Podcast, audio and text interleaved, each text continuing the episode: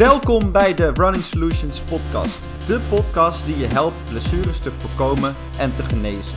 Door jou meer te leren over hardlopen zullen we je transformeren in een gezondere, sterkere en betere hardloper. We gaan alle onderwerpen langs die jou kunnen helpen om niet meer diezelfde fouten te maken en diezelfde blessures te krijgen.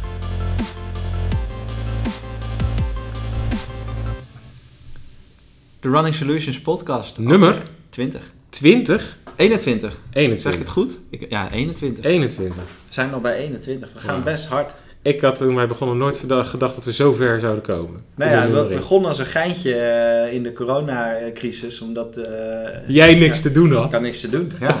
Nou, ik, ik had het er vandaag nog met iemand over. Van eh, een, een week of eh, zes thuis gezeten in die crisis. En toen eh, na week twee eh, bedacht van laten we gewoon eens een podcastje over hardlopen opnemen. Kijken of het interessant is. Ja, het blijkt wel. We hebben wel eh, behoorlijk wat luisteraars volgens mij, toch? Ja, we zitten volgens mij ongeveer op, Op de veel. 85.000.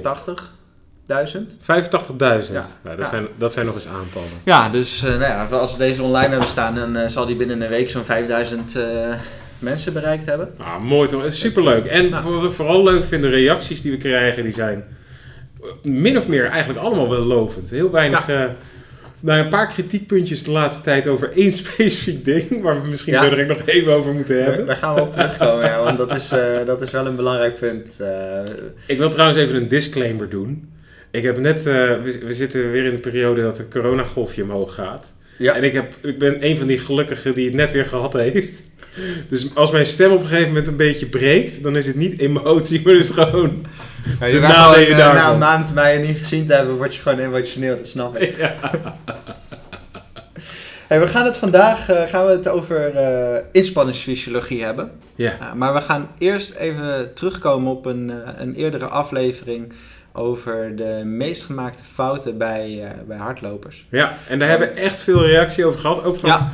Allerlei mensen, ook van heel veel trainers. Daar moest ik ook wel om lachen. Ja, en ik hoor op de praktijk ook regelmatig eh, klanten tegen me zeggen... Ja, maar ik moet harder dan 12 per uur lopen, hè, want eh, anders, is het, eh, Ja. anders is het technisch niet, niet correct. Nee, ik, Dus, dan moeten we even toelichten, denk ik, wa- wat het verschil is tussen, tussen wat we daar hebben bedoeld... en hoe het misschien bij sommige mensen is ontvangen. Ehm, Ja. Want daar zit wel verschil in, eh, denk ik. Ja, er zijn denk ik twee dingen onbelangrijk, die belangrijk zijn om daar even over te, over te zeggen. Ja. We krijgen eh, één deel van de reacties die... Nou ja, dat zijn vaak mensen die ook zeggen het is supergoed, maar je moet hier wel even op letten. Eén zo'n onderwerp of één zo'n onderdeeltje is dan... Ja, het is wel, het is wel heel scherp wat jullie zeggen. Ehm, en dat, dat is waar. Alleen het punt is op het moment dat je een boodschap probeert over te brengen... waarvan je niet zeker weet hoe duidelijk het al voor iedereen is... hoeveel achterliggende kennis iemand al heeft dan is het beter vaak in mijn ervaring om dingen wat scherper te stellen, iets meer contrast aan te brengen. ehm, om, om, om die boodschap goed over te brengen. Ja. Maar dit, vaak is de werkelijkheid ligt wel iets genuanceerder natuurlijk. Maar op het moment dat je met z'n allen in een grijs gebied eh, lekker genuanceerd gaat- gaat lopen wezen, ja, dan worden dingen vaak niet heel veel duidelijker van. Dus vandaar dat we dingen soms wat scherp stellen. Ja. Dus dat is Ja. één. Ja, En de, de tweede was het, vooral het heikele 12 km per uur issue. Ja. Alsof wij een verbod hebben op langzamer lopen dan 12 km per uur. En dat, dat was in ieder geval niet onze insteek eh, om, om dat eh, te stellen. Maar wa- wat we, wat we wel zien natuurlijk in de, in de wetenschap en in de data van, van hardlopen, als je puur naar de biomechanica kijkt, want dan, daar hadden we het over, gaan we, hoe gaan we beter hardlopen? Dat is als we sneller gaan. Ja. Dus, Ja, een van de dingen wat we daar hebben gezegd, we gaan nog heel kort doen. Op het moment dat jij loopt en je komt neer en je hebt het idee dat je, dat je als een zak aardappelen in elkaar zakt, dan hebben we het erover dat je dus geen elastische compressie hebt in dat been. Dus dat je te veel inzakt door je knie en enkel en heup. Ehm, dan verlies je heel veel energie. Energie Ja. die je eigenlijk eh, door heel weinig in te veren elastisch wil opslaan, zodat je hem kan hergebruiken. exact. Dat heet het springveermodel, of zoals het in de wetenschap wordt genoemd, het spring mass model. Ja. En dat spring mass model, dat lijkt heel, heel sterk zijn de aanwijzingen dat het rond die 12 km per uur, die befaamde 12 km per uur, dat het daar geactiveerd wordt, mits je techniek goed is. Ja. Alleen het is zo dat me- daadwerkelijk op het moment dat, hard, op het moment dat mensen harder gaan lopen, dan is het ook veel aannemelijker dat je effectief gebruik kan gaan maken van dat springveermechanisme. Exact. Zak je onder de 12 km per uur, maakt het haast al niet meer uit hoe goed jij als loper bent. Maar dan zal je automatisch veel dieper gaan inzakken en minder, dus ook minder, eh, meer inzakken, waardoor je minder elasticiteit kan opslaan voor hergebruik. Ja. Dus ook lopers die extreem goed kunnen lopen, die ik ken, die klagen er ook vaak over dat op het moment dat ze onder die 12 km per uur gaan lopen, dat ze veel vaker last krijgen van pijntjes her en der, veel blessuregevoeliger worden. Het is niet zo dus dat je geen 10 km per uur mag lopen. Van mij mag het. Alleen, als je het over running economy hebt. Dus hoe zet ik de energievoorraad die ik heb zo goed mogelijk in?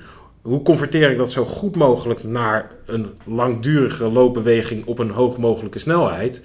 Dan is die 12 km per uur gewoon een hele goede richtlijn om Ja. te hanteren. Of dat je, eh, nou ja, goed of minder goed aan het lopen bent. Of in ieder geval gebruik maakt van die elastische componenten. Nou, dat, dat is hem vooral. Hè? Dat, dat je, je gaat dus meer gebruik maken van de, de biomechanische voordelen die we als mensen hebben. Hè? We kunnen heel goed rennen. Eh, wij zijn daar echt goed in als mens.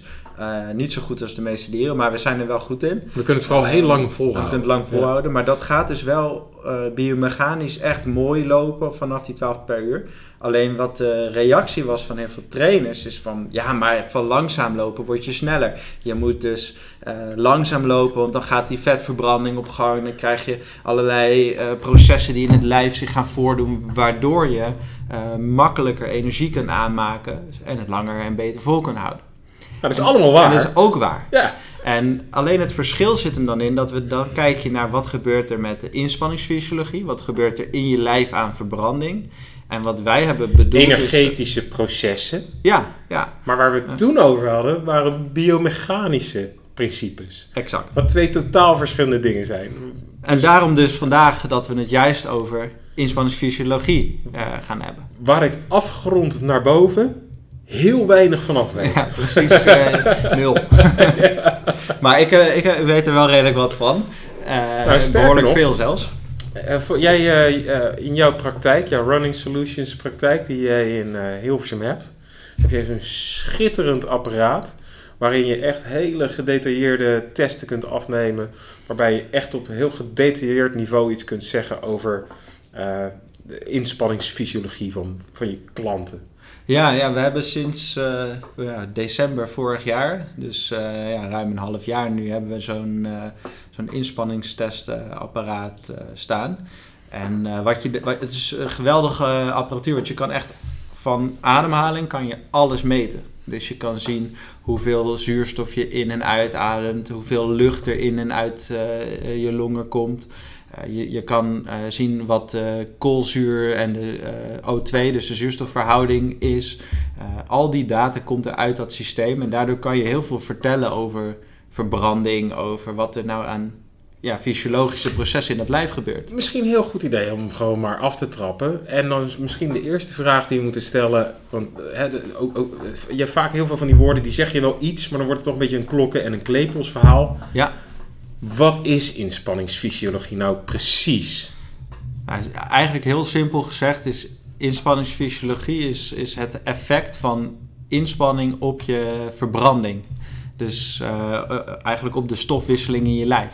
Dus als je gaat bewegen, dan ja, heb je stofwisseling. En wat is het effect van jouw inspanning op je stofwisseling? Dat is wat, wat het is. Stofwisseling waar je uiteindelijk de energie uithaalt, zodat je dat kan converteren in beweging. Ja, ja, dus je, eigenlijk heel kort door de bocht. Als jij gaat bewegen, dan is daar energie voor nodig. En die energie die wordt vrijgemaakt in je cellen. En eh, de mate waarin dat gebeurt, dat kun je allemaal meten. En eh, je training is daarop afgestemd. Dus hoe meer jij sport, of hoe meer jij inspant, eh, hoe, hoe meer dat van belang wordt. Eh, Kan dus- je, kan je, kan je iets vertellen hoe, hoe, hoe dat proces in zijn gang gaat? Dat is, wel- dat is wel heel interessant, denk ik, om te weten. Wat, Ja. hè, als je, eh, eh, nou, je- wat, wat is nou het, eff- het echt werkelijke effect van stofwisseling? Kan je daar een voorbeeld van geven? Nou, je moet je voorstellen als jij ehm, als je wandelt van A naar B, hè, laten we zeggen 10 kilometer, eh, of je rent 10 kilometer. Dan is de hartslag bijvoorbeeld eh, eh, met wandelen 100, 110 of zo. slager. Dat verschilt een beetje per persoon. laten, we, laten we, eh, voor mij zou dat bijvoorbeeld 100 zijn. En dan ga ik datzelfde stuk hardlopen op eh, 12 km per uur. Dan, eh, dan is mijn hartslag... eh, Puur willekeurige snelheid. ja, ja, ja. Dan, dan is mijn hartslag eh, 145 of zo. Eh, maar dat is dezelfde afstand. Eh, de tijd die ik erover doe wordt korter, omdat ik sneller ga. Ehm, mijn hartslag is dus hoger omdat ik sneller ga, dus mijn inspanning is anders. En dus is de verbranding ook veranderd. Dus die verbranding die ik heb voor 10 kilometer hardlopen of 10 kilometer wandelen is niet, is niet hetzelfde. Dat is een totaal andere waarde. En dat komt omdat je meer gaat verbruiken. En die, dat verbruik dat eh, bepaalt dus hoe snel jouw lijf energie moet leveren. En eh, dat, dat is dus eigenlijk inspanningsfysiologie. Van wat verandert er dan in je lijf? En in welke mate heb je dan die energie nodig? En hoe levert je lijf die energie? En daar gaan we, daar gaan we het over hebben. Eh, maar la- laten we eerst beginnen met eh, een aantal dingen die de Garmin bijvoorbeeld, of de Polar, of er zijn een aantal van die inspanningstestsystemen die vrij goedkoop zijn in de inkoop. Je hebt, eh, volgens mij heet dat... eh, Nou, gewoon wearables, hè. Ja, Ik bedoel, ja. daar begint het al mee. Gewoon je simpele sporthorloge wat jij thuis hebt. Ja, ja en er zijn, er zijn ook wel echt testsystemen die. die dat, je moet het eigenlijk zien als een soort slotmachine. Eh, en eh, je gooit daar een beetje data in, of je gooit daar iets, eh, iets in en er komt een beetje uit. Maar eh, dat is meer een soort, eh, soort gokje. Dus stel je voor jouw, eh, jouw Garmin of je Polar, die, die, daar vul jij je leeftijd in en dan gaat die een berekening maken voor je maximale hartslag. En dan krijg je je hartslagzones. Eh, nou, dan heb je eh, zones die op basis van een algoritme en dus op een soort schatting zijn, eh, zijn Ja, gebaseerd. de, om er misschien een voorbeeld van te geven, de meest grove schatting volgens mij die je kan maken, dat is de, ik ben even, even kwijt welke dat ook alweer is. 220 Maar dat meer is de leeftijd. 220 Ja, meer je ja, leeftijd. ja, Dat is ja. de meeste. En dan heb je nog Astrand en Carvone en weet ik Je wat hebt er nog een paar, ja. Je hebt nog een aantal die je vrij simpel kan uitvoeren. En hoe ingewikkelder het rekenmodelletje wordt wat je moet gebruiken, hoe nauwkeuriger men zegt dat die is. Hè. Dat is dan wetenschappelijk eh, getest. Ja, Maar de facto blijft al dat soort dingen op het moment dat je op een hele simpele parameter, één parameter, zoals, eh, zoals een hartslag, Ja. gaat toetsen, dan blijft Mhm. het altijd een schatting. Dus dat betekent ook als je in die zones wil gaan trainen, Ja. wat, wat weer effect, wat, wat, wat, wat, wat eh, gerelateerd is aan welke stoffen je verbrandt. Hè, of dat het vet, eh, stofwisseling, Mhm. koolhydraatstofwisseling of wat dan ook is. Ehm, het blijft een enorme schatting. Dus je zit toch nog steeds een beetje te rommelen in de Ja. marge. Nou, wat je, wat je ziet bijvoorbeeld is als je 220 min je leeftijd doet, eh, laten we zeggen dat, dat, eh 40, eh, dat je 40 bent, dan hou je dus 180 hartslagen eh, over. Ja, maar als- Geloof me, die haal ik niet. Nou, er, kan dus een. een, een eh, daar zit in, in principe in de bandbreedte zit daar zo'n eh 15% omhoog en 15% omlaag. Dus de hoogscorende mensen doen 15% meer, de laagscorende mensen doen eh, 15% minder. En dan heb je nog uitzonderingen die groter doen. Ja, daar heb je al een krankzinnig brede... Ja, Ja, een dus- enorme afwijking Dus al. het, dan klopt het nooit. Dan Nee. moet het echt een gelukje zijn dat het klopt. Nou, Ja, want dat is, eh, als je, is dat, ik wist dat niet, dat het 15% was. Maar als je ja, ik, noem een getal, maar het, het kan ook 10 zijn. Maar het, ja, maar laat het het 10 is zijn. veel. Om Ja. even de krankzinnigheid ervan aan te duiden. Dan, dan gok je dus dat jouw maximale hartslag 180 is. Waarbij je vervolgens zegt, als het 10% afwijking is, dat het 18 slagen naar beneden en 18 slagen naar boven kan Ja. afwijken. Dat is dus 36 slagen bandbreedte. Terwijl op die 180 bezien is dat bijna 20, 25% afwijking. Ik vind dat nog wel eh, heftig. Veel. Dat is veel. En daarom is het dus ook zo belangrijk omdat eh, als, je, als je verstandig of goed wilt trainen, dat je dat, dat, je dat niet op beschatting baseert. Want wat er, wat er namelijk ge- gebeurt is, je krijgt je hartslagzones daarvan. Hè? Dus je hebt dan zone 1 tot en met 5. En er zijn ook wel andere modellen, maar laten we deze even ja, ik denk dat dat de meest meest gebruikt in de horloges. Polar, en, eh, Garmin, die hebben ja, allemaal die vijf Ja. zones. Ja. Ja, dus, dus die, die vijf zones die worden, ge- worden dan gebaseerd op die maximale hartslag. En soms dan nog VO2 max, die dan ook bij benadering is, omdat het een algoritme is geweest vaak. Eh, en dat is, VO2 max is je maximale zuurstofopname per kilogram lichaamsgewicht. Dus eh, aan die twee waarden daar wordt het dan vaak op gebaseerd. Ehm, maar dat blijft dus die schatting. En het is dus heel interessant om te kijken van wat is nou uh, daadwerkelijk je VO2 max. Want dat kun je dus gewoon meten met zo'n apparaat. Want je meet zuurstof- en koolzuurafgifte door, door het masker wat je op hebt tijdens zo'n inspanningstest. Um, en als je dat weet, dan weet je dus iets over je gezondheid. Want cardiovasculaire gezondheid, dus het hart-longsysteem, VO2 max is een van de beste voorspellers over hoe gezond dat systeem is. Dus als je daar goed scoort, dan kan je wel stellen dat je, dat je zeer waarschijnlijk gezond bent. Ja, ik wil niet koketteren, maar ik scoorde daar ooit superieur op. Oh, kijk, kijk ja, ooit. ooit, ooit. Toen je nog fietste. Toen het nog goed was, ja. ja, ja Toen nog wat jonger was, laten we het zo zeggen. Ja, dat neemt af met de leeftijd, hè. Maar dat, dat is... Uh... Maar in ieder geval, wat je net zegt over hoe, hoe grof dat dus zegt. Of uh, hoe grof die inschatting is op uh, horloges en dergelijke. En waarom je veel beter richting een VO2 max gaat zitten die echt gemeten is dat komt wel overeen ook met mijn ervaringen en, en de communicatie die ik heb gehad met vrienden, maar ook uh, klanten van me. Ja. Is dat naarmate je ouder wordt, je steeds minder waarde gaat hechten aan die hartslag. Want die loopt er continu ook achter de feiten aan, hè, omdat er een bepaalde inertie, dus de traagheid zit erin. Ja. Uh, we, we, hebben daar een podcast over gehad met, met, uh, met, met, Koen. Met, met Koen over stride, over dat je beter op wattage kan lopen omdat hij veel directer is. Mm -hmm. uh, maar ik vind het, het komt vooral overheen met de ervaringen van mensen die, net zoals ik allemaal op een gegeven moment hebben gezegd, je kan bijna beter op je gevoel afgaan dan dat je je gaat baseren op uh, de zones van dat horloge. Want dat slaat nergens op. Nee, maar dat is dus ook het probleem dat heel vaak het wordt dan niet uh, gemeten uh, met een goede test. Nee. Ik, ik, ben, ik vind dat op stride lopen is best een goed idee.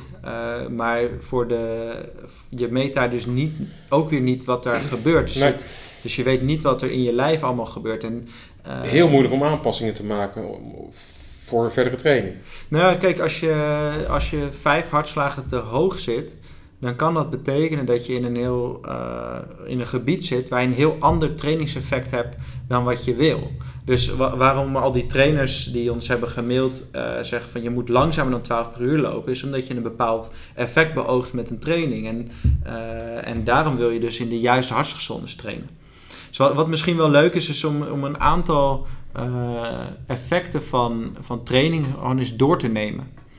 Uitstekend plan, aan de hand van, je, van, je, van de metingen die je doet. Ja, ja. Nou, wat, je, wat je kan meten bijvoorbeeld is, is uh, de koolhydraat en de vetverbranding. Nou, je, je bent in principe tijdens inspanning, als je langzaam gaat, ben je voornamelijk vetten aan het verbranden en een beetje koolhydraten. En naarmate de inspanning uh, groter wordt, dus je gaat sneller, dan komt er op een gegeven moment een punt dat je steeds minder in die vetverbranding gaat zitten en steeds meer in de suiker- of koolhydraatverbranding. Nou, dat is heel goed uit te leggen doordat als je sneller energie wil leveren, omdat de, de vraag naar energie groter wordt, dan moet je dat niet uit vetten putten, want dat is een heel traag systeem. Dus de verbranding uit vetten duurt veel langer dan de verbranding uit suiker, of de levering van energie uit suiker. Dus wat doet het lijf? Die gaat als je intensiever gaat sporten, gaat die meer uit koolhydraten verbranden en steeds minder uit vetten. Op een gegeven moment wordt de vetverbranding nul. Terwijl je koolhydraatverbranding die blijft stijgen.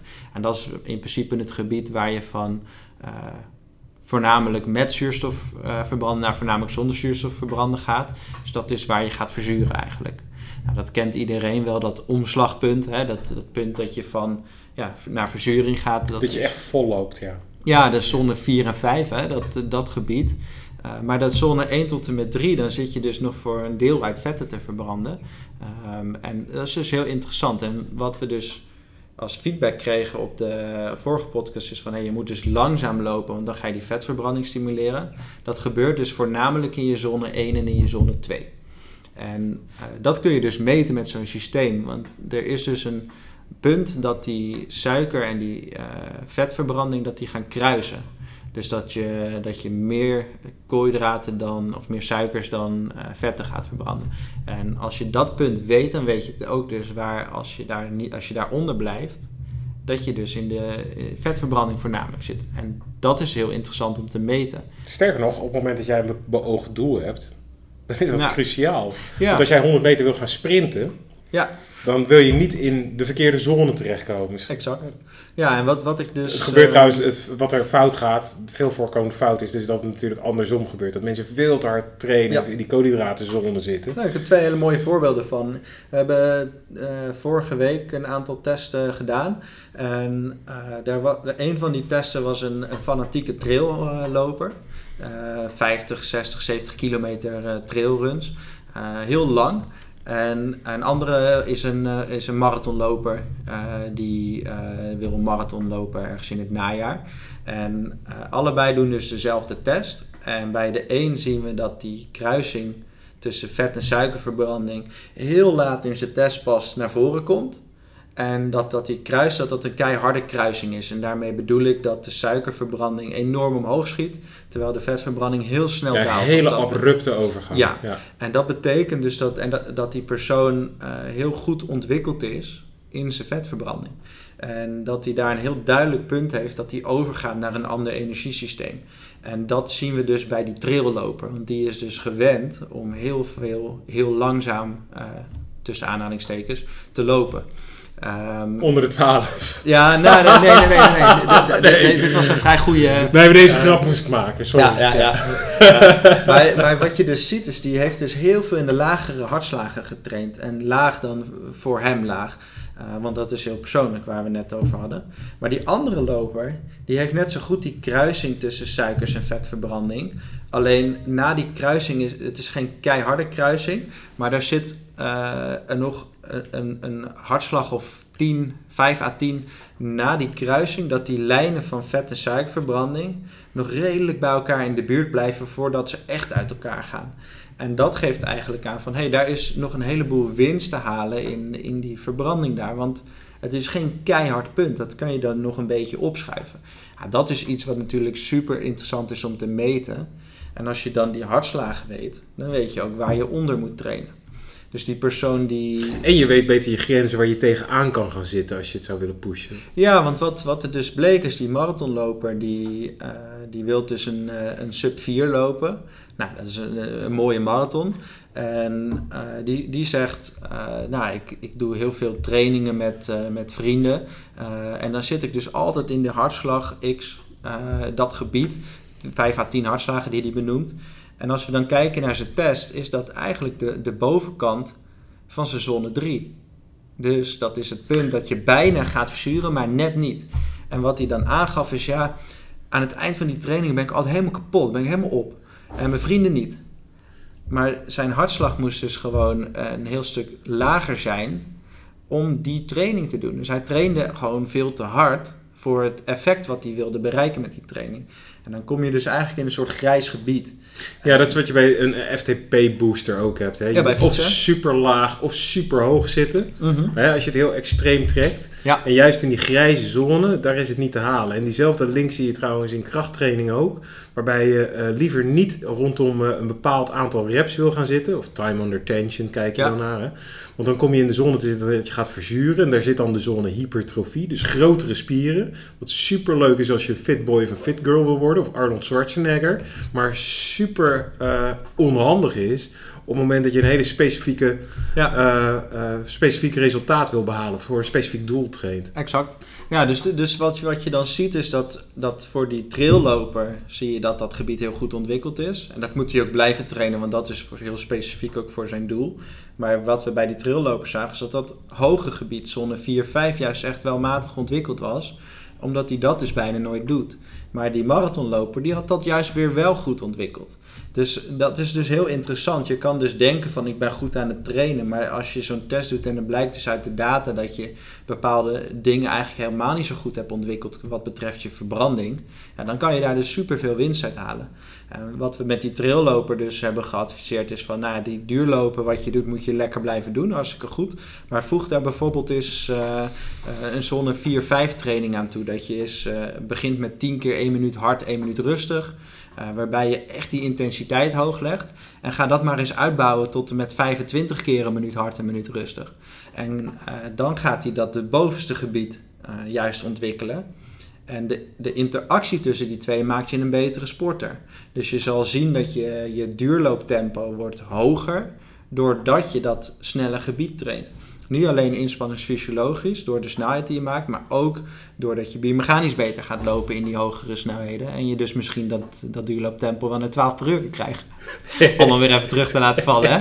We moeten oppassen dat het geen running gag gaat. Ja, nee, dat, nu, nu, Maar mooi. overigens, één ding wat wel heel interessant is, en ik weet niet of we er later nog op terugkomen, we hebben het natuurlijk over stofwisseling. En eh, eh, ja, je weet ook op het moment, je kan zelfs met je voeding, hè, op het moment dat jij Ja. meer vetten gaat eten, ben je ook, zal je lichaam ook meer geneigd gaan zijn om vetten te verbranden.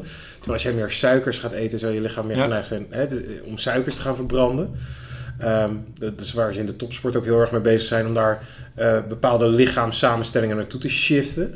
Maar wat één, één, één heel, nou ja, één gedachtegang is bij heel veel mensen die best wel heel erg fout gaat.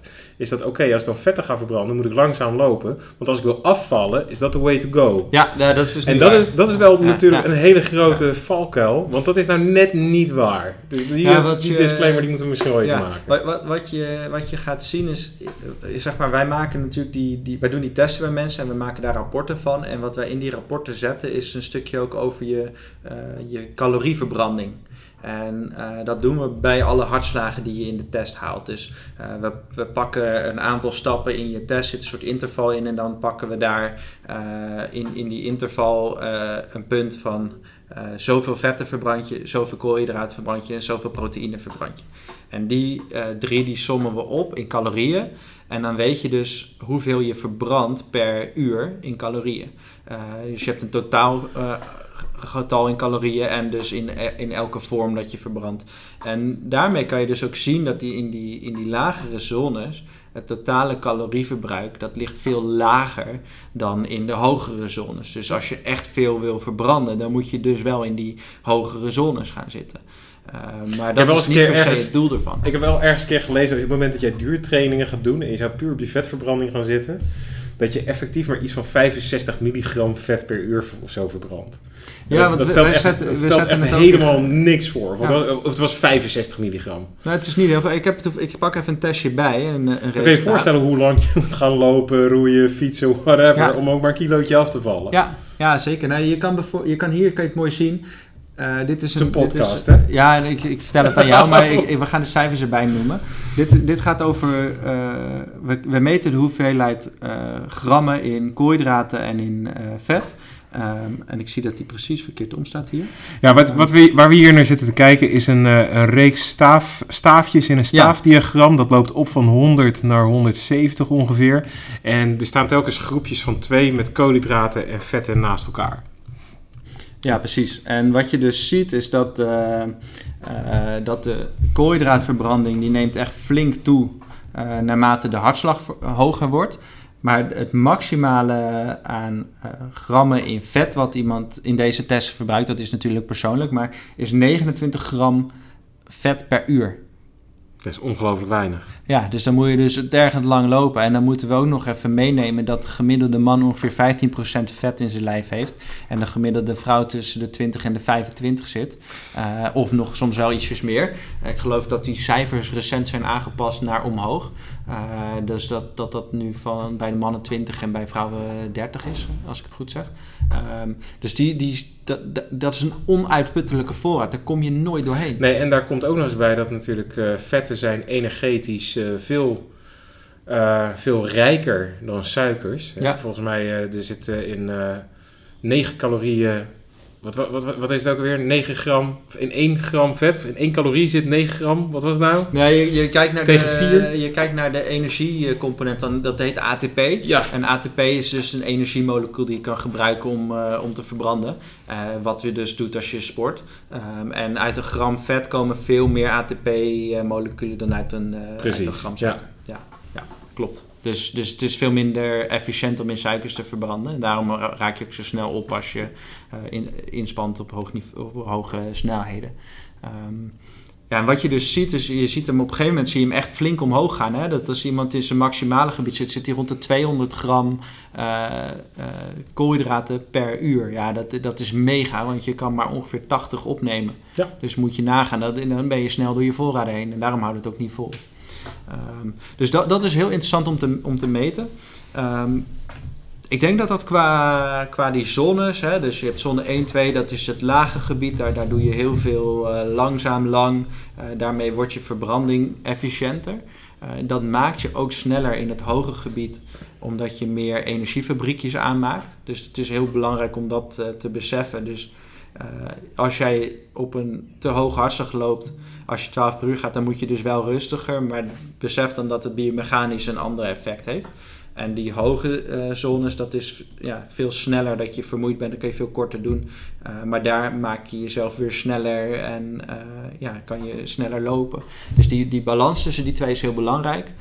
ja, grofweg is dat 80-20. Dus 80% langzaam en 20% snel in je training. Dus dat is een beetje in de basis hoe dat, hoe dat werkt.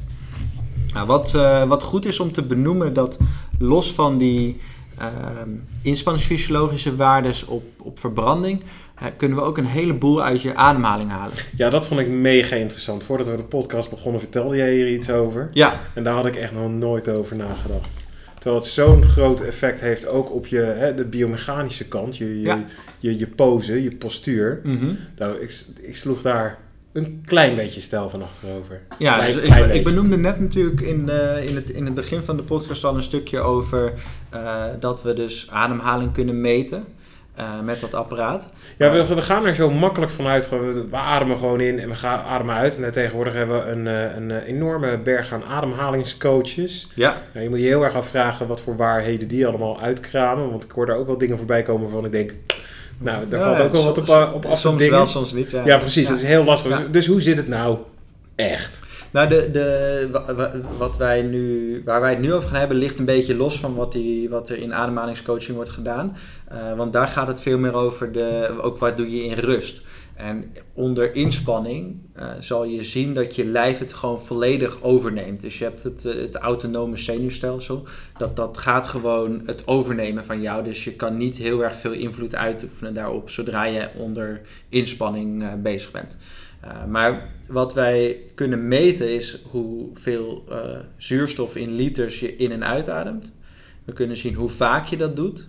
En uh, dat is super interessant om een aantal waarden uit te halen voor je prestatie. Dus als we gaan kijken naar de hartslagzones, dan pak ik die er weer even bij terug.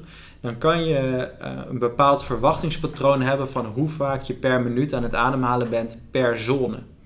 En grofweg zou je kunnen zeggen, zone 1 en 2 zit je plus minus op 20 ademhalingen per minuut. Nou, dus uh, eens in de drie seconden. Hè. Dan ben je natuurlijk ook in die vetverbranding, dus kan je nog goed een gesprek voeren, goed vol te houden. Uh, maar daarna wordt het dus echt best wel meer. En dan zie je dus ook dat je dat gesprek niet meer goed kan voeren. En dan zie je bij zone 3 zit je wel rond de 30, 35 al. En bij zone 4 ga je nog een treetje hoger. Uh, dan ga je richting de 40. En bij zone 5 kan je wel 50 à 60 keer per minuut ademhalen. Ja, dat is natuurlijk mega, want als je 60 keer of meer doet per minuut, dat is elke seconde ademhalen. Nou, dat geeft ook een bepaalde.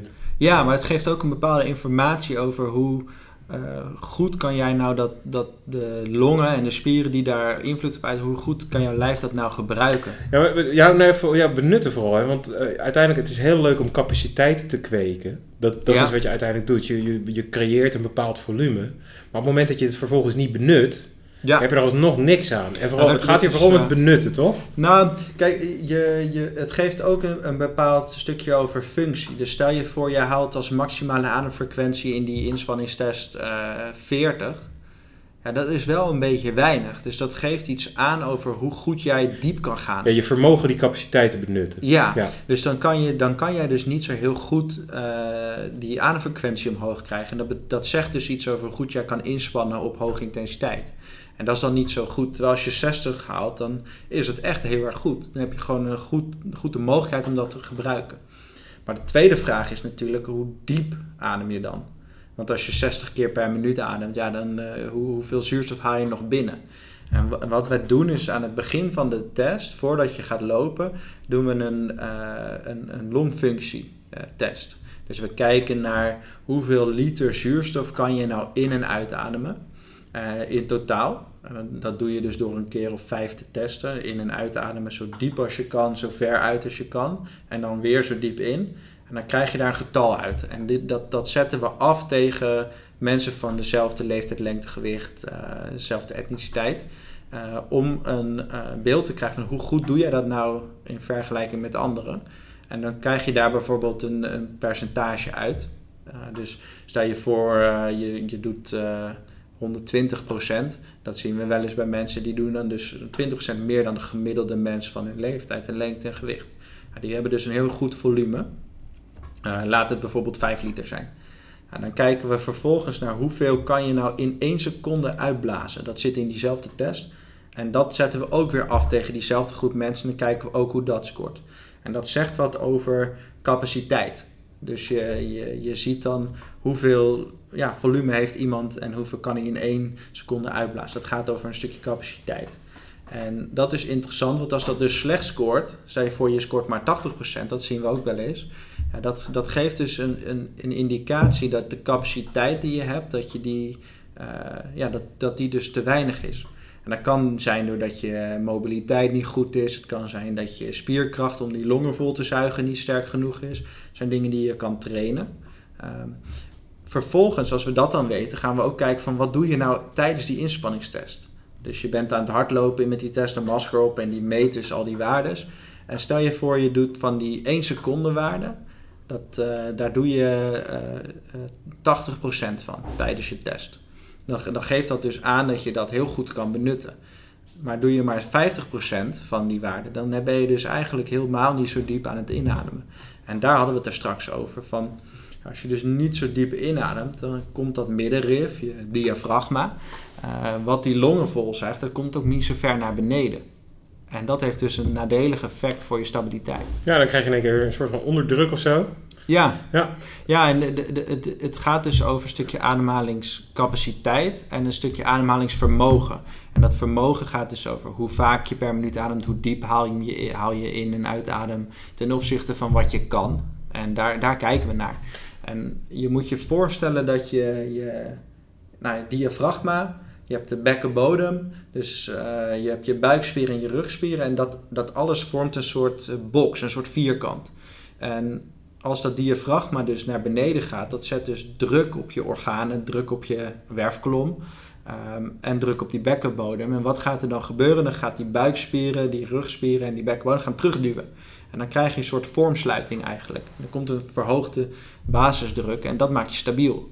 Ja, vormsluiting moet je even uitleggen, denk ik. Vormsluiting is op het moment dat de spieren allemaal aanspannen, dan eh, in plaats van dat je gewoon... eh, eigenlijk kan je het vergelijken met een bal Ja. die leeggelopen is, een, een voetbal. Op het moment dat die leeg is, dan kan je hem in allerlei vormen kleden, of, eh, kneden. Ja. En dan blijft hij daarin hangen. Ga je de lucht in pompen, dan krijgt hij zijn originele ronde vol en is hij super stabiel en heel rigide. Kan je niet En dat noem je even heel Ja. gemakkelijk uitgelegd vormsluiting. Exact, ja. Ja. ja. en dat is voor, voor je looptechniek, is dat dus een Vrij hele cruciaal. eh, belangrijke waarde. Ja, omdat juist daar ook, eh, we hebben het er wel eens over gehad, het, is, eh, het wordt ook wel eens de core genoemd. Maar iedereen weet Ja. denk ik die onze eerdere afleveringen wel hebben geluisterd, dat we daar Geen precies van vinden. van zijn, ja. Maar uiteindelijk, het is wel een onderdeel daarvan, inderdaad, van je, van je stabiliteit, van je bekken en dergelijke. Ja. Wat, ik, wat mij even, en ik vraag dit voor een vriend, eh, maar ik, ik kan me heel erg goed voorstellen, ik kan me heel erg goed voorstellen, en we leven toch in tijden van COVID, ja. kan, kan je nou, eh, er zijn, volgens mij was het vandaag nog of gisteren dat ik dat las, dat een derde van alle patiënten die een COVID-besmetting hebben gehad, ehm, langdurig last houden van kortademigheid en het zou mij niet verbazen, ten gevolge daarvan ook Mhm. eh, extra vermoeidheid en concentratieproblemen. Ja. Eh, kan je uit zo'n test, hè, het moment dat jij sport, ik merk echt wel na eh, mijn besmetting dat ik, dat, ik wat, eh, dat ik mijn trainingen anders moet inrichten, omdat ik een andere capaciteit, ander vermogen heb. Ja. Is dat op die manier ook uit zo'n test te halen? Want ik, ik, ik Ja, ga, niet zeggen, ik ga niet zeggen dat die vriend van mij heel onzeker, heel onzeker is. Ik had mezelf al verluld, geloof ik. Hè? ja, ja. Nou. Kijk, kijk wat, je, wat, wat, wat je niet kan doen is, je kan niet voor- en na meten als je iemand nog niet daarvoor hebt gemeten. Dus je kan dat verschil kan je niet in kaart brengen. Maar je, je, je kan natuurlijk wel de, de huidige status in kaart brengen. En als je dat weet, dan kan je, dan kan je in ieder geval van de juiste data uitgaan. En dus dat, dat is absoluut relevant. Maar wat je, wat je wel mee moet nemen is natuurlijk dat op het moment dat je zo'n uh, coronabesmetting hebt gehad en dat heeft invloed op die, uh, op die functie bijvoorbeeld van je longen of je, er zijn, ik weet daar niet heel erg veel van hoor, ik heb er niet super erg in verdiept. Maar dat, volgens mij heeft dat wel invloed op wat er qua energiesysteem allemaal gebeurt. En uh, komt het er voornamelijk op neer dat je, dat je rustig aan moet doen. En dat het dus een heel. Ik heb wel een aantal dingen al gelezen over dat het, dat het niet heel verstandig is om hoog intensief te gaan sporten na zo'n uh, na zo'n besmetting.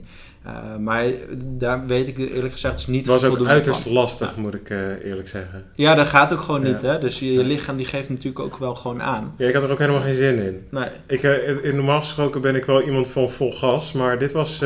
ja. Ik had eerder de neiging om even gewoon lekker met driewieler rond te gaan crossen of zo. Ja, aan de andere kant denk ik wel dat, dat, dat cardio training is ook wel hetgeen wat hier waarschijnlijk... Ik heb er dus de data niet voor, maar dat is gewoon een gedachtespinsel dat dat best wel heel goed kan zijn. En dat weten we ook bij, uh, bij chronische vermoeidheid, bij, uh, uh, bij dat soort klachtenbeelden, die natuurlijk wel een beetje op elkaar lijken. Dat het heel verstandig is om juist laag intensief te gaan sporten, zone 2, waar je veel vetten verbrandt, maar ook wel een beetje suikers. Dan ben je echt wel cardiovasculair wat aan het trainen. En ik denk dat, dat je daar wel winst kan halen.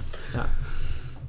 Wat, wat, wat denk ik goed is om uh, om te, te weten is dat die data van die, dan kom ik even terug bij, dat, bij, die, bij die box, van, die, van die, de stabiliteit door ademhaling, dat dat dus ook allemaal trainbaar is. En dat is natuurlijk mega relevant, want als je dus niet alleen je hartslagzones krijgt, maar je krijgt ook nog informatie over, loop ik stabiel door mijn ademhaling, haal, haal ik genoeg per minuut adem in de zones zoals we dat zouden verwachten, is mijn verbranding in orde, ja, dan krijg je ook echt wel een soort uh, inzicht in waar kan ik nou als sporter op dit moment het beste verbeteren. En dat stukje dat zie je heel vaak niet zo goed terug in die testen. Dus uh, die data is er, waar die data wordt verzameld.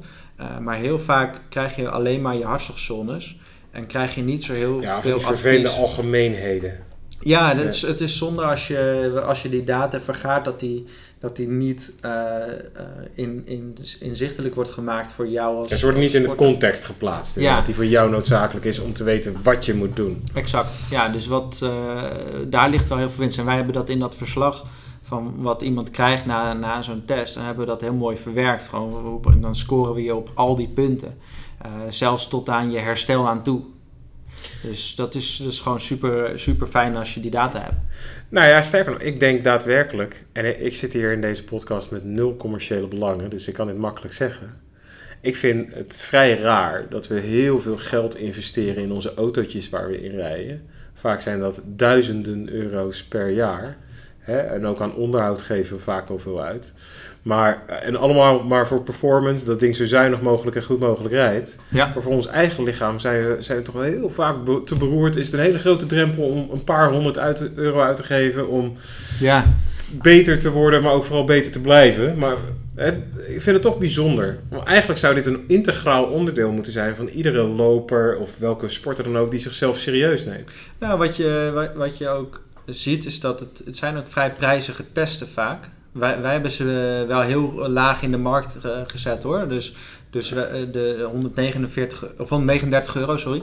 Uh, dus dat is, dat, is een, dat is vergeleken met, uh, met de sportarts bijvoorbeeld betaal je twee keer zoveel. Minimaal. Uh, alleen wat wij natuurlijk niet doen is zitten op de stoel van de sportarts. Wij hebben het voornamelijk over prestatie. Hoe kun jij nou beter worden in het hardlopen? Dat is waar wij mee bezig zijn. En wat, wat je dus zou zien is als je die test doet en je gaat daar goed op trainen, uh, dat je die, die dingen die we meetbaar hebben gemaakt, waar we net over hadden, wat je zou kunnen verbeteren. Laten we die marathonloper nemen, die traint nu op schema's bij mij. Uh, we gaan focussen op dat we die zone 2 beter ontwikkelen, zodat hij een groter vermogen heeft voor die marathon. En dan kan hij dat doel van die 4 uur kan hij wel halen. Um, en dat komt omdat we weten waar hij moet trainen. En wat, wat je gaat zien, en we gaan hem hertesten uh, ongeveer zes weken voor de marathon, uh, dat, dat er verandering gaat zijn. Want dat is hetgeen wat we nu aan het ontwikkelen zijn met zijn manier van trainen.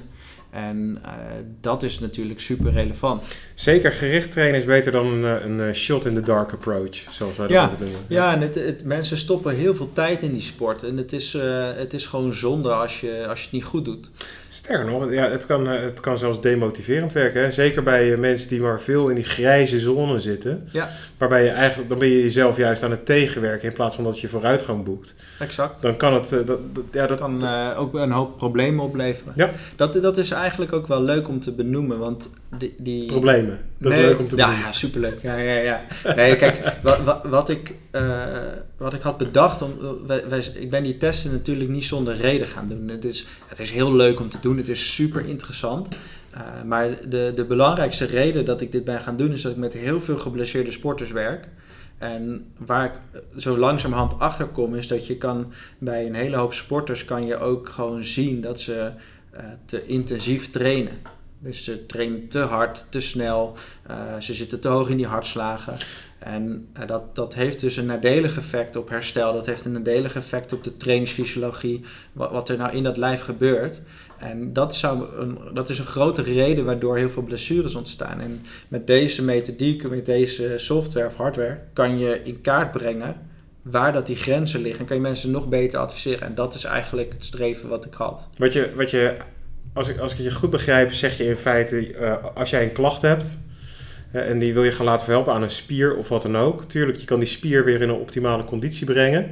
Maar dat wil niet zeggen dat die uh, blessure niet terugkeert als je andere dingen niet onder controle hebt. En ook heb je die spier helemaal getweakt, heb je die helemaal op orde en alles wat er omliggend is, heb je ook voor elkaar. En je bent technisch volmaakt gaan bewegen, is toch nog de ja. kans dat het een zwakke plek blijft, dat die, dat die blessure daar terugkeert. Niet zozeer omdat je die spier verkeerd belast of wat dan ook, of, of dat je hem verwaarloost. Ja. Maar juist omdat je die hele inspanningsfysiologische kant niet op orde hebt. Nou, stel je voor dat, dat voorbeeld van die marathonloper die alles in zone 3 doet en aan het eind van die training helemaal vermoeid is, terwijl zijn vrienden dat niet hebben.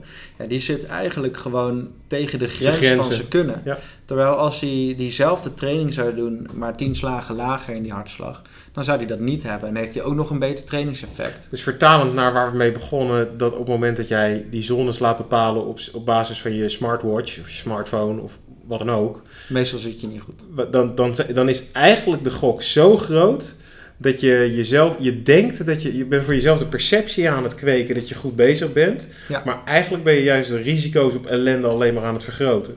Nou, dat zou zeker kunnen. Ja, Ja, ik ben van de sceptische kant, ja, hè? Ja, ja nee, kijk, het kan goed gaan natuurlijk, maar wat we zeiden, er zit een best wel een foutmarge omhoog en omlaag. Ik ging, eh, ik ging serieus, eh, had ik minder problemen toen ik stopte met op hartslag trainen. In het begin hè, heb ik het echt over 20, 25 Maar de- jaar geleden. Dat is op basis van testen geweest? Of heb ja, je nee, dat was ook gewoon, eh, was er denk ik een Carvone testje Ja, of ja, precies. Ja. Dan zou je een keer een test moeten doen, dan, want dan heb je die data waar Nou je ja, eh, ik ben- op kan vertrouwen. Ik ben op een zeker moment ben ik aan, inderdaad naar een, eh, een sportarts gegaan om daar een ademgastest en dergelijke en een VO2 max en de hele Ja, rattenplan precies. allemaal te laten doen. En dat, dat helpt enorm, omdat je ook kan zien waar je tekort komt. Dus je kan performance verbeteren, maar Ja. ook vooral je, je, je blessurerisico gaat omlaag. Exact. En uiteindelijk als je het hebt over limiterende factoren, eh, factoren Ja. dan is dit er wel echt eentje. Ja, zeker. En voor mij ook, de ademgastest eh, was, eh, of tenminste, een, een, een, ja, wat dan ook, hè, Ja, dus ademgas, ademgastest. het is, het is niet het meest sexy ding waarvan ik meteen denk, dit ga ik morgen doen. nee, maar Maar het is eigenlijk heel eerlijk. Ik moet inderdaad maar eens een keertje weer bij je langs. ah, d- d- je bent welkom. Dankjewel. Ja, het is Ik absoluut... krijg wel ja. gereduceerd tarief, hoop ik, hè? Ja, tuurlijk. nee, maar het, eh, echt, het is absoluut de moeite waard voor de meeste lopers om dat te doen, op welk niveau dan ook. Hè. Je hoeft, eh, want dat is vaak wat je hoort, is van, maar dan moet ik geen topsporter zijn om dat te doen. Nee, juist niet. Nee, Nee. ju- juist niet. Want die- Sterk, sterker nog, daar wil ik wel ook, eh, dat is een, een belangrijk, om, dit is een misvatting die er ook veel is. En ik, dat moet ik even doen vanuit mijn biomechanische achtergrond. Op het moment dat je met data, met topsporters gaat werken, dan wordt eh, eh, de mate waarin je op data baseert ten opzichte van je gut feeling als trainer, wordt het percentage wordt echt wel heel veel lager. Ja. En waarom?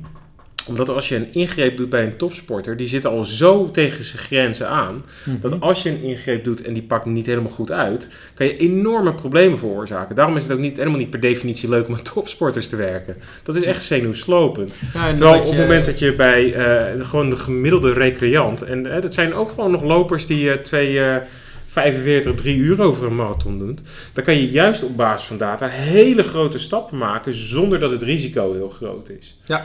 Dus daar, het, is, het is juist niet voor die topatleet, het is juist veel meer voor die recreant. Alleen topsport biedt als laboratorium waar we veel leren Ja. eh, van, van, van, van de mens. Mhm. Eh, maar ik, ik ben het helemaal met je eens. Het is juist de, de, de, de niet-topsporter die gebruik moet maken van deze technologieën. Zeker, ja. Ja, en eh, dat is gewoon eh, een stukje veiligheid ook in je training. Dat, Ja. eh, je wil ook niet eh, helemaal eh, kapot over de finish komen. Ja, en laten we heel eerlijk zijn, we overschatten onszelf allemaal. Dat is een, een, een denkfout die eenmaal is een overlevingstechniek waar we allemaal mee behept zijn. Ja. Dus we denken dat we dit enorm onder de knie hebben, maar de, grootste, de, de beste die ik ken, maken er persoonlijk vaak nog wel een potje van. Ja, dat is absoluut... Ik wil eh, verder dan, ja, we gaan hier Allebei, geen, ja, allebei. allebei twee handen omhoog in de ruimte. Hey, wa- wat, we, wat we nu niet hebben voorbereid, en daar gaan we dus ook lekker overslaan, is de luistervraag. Maar Ai. stuur je vragen in. Als je vragen hebt, laat Ja. het ons vooral weten. Want we beantwoorden graag de vragen die jullie als luisteraars hebben. Dus eh, als je die hebt, stuur ze vooral eh, naar uh, contact.runningsolutions.nl. En dan rest ons nog te vragen om een, een review op, op Apple Podcast. En je kan tegenwoordig ook eh, sterretjes geven bij, eh, bij Spotify. Dus als je bij Spotify. Ja, ja, we hebben er al een paar. Maar eh, het zou fijn zijn als jullie dat eh, voor hebben ons willen doen. sterretjes. Vijf sterren. Vijf Vijf sterren. sterren. Dat, eh, die hebben we hopelijk eh, verdiend. Ja, dat hoop ik ook. Bedankt voor het luisteren naar de Running Solutions podcast. Heb je vragen naar aanleiding van deze podcast? Of zijn er onderwerpen die jij graag besproken zou hebben in de toekomstige podcast? Laat het ons dan vooral weten. Dit kan je doen door te e-mailen naar Running Solutions of laat even een comment achter onder de Apple podcast, eh, in Spotify of de andere podcast services waar we te vinden zijn.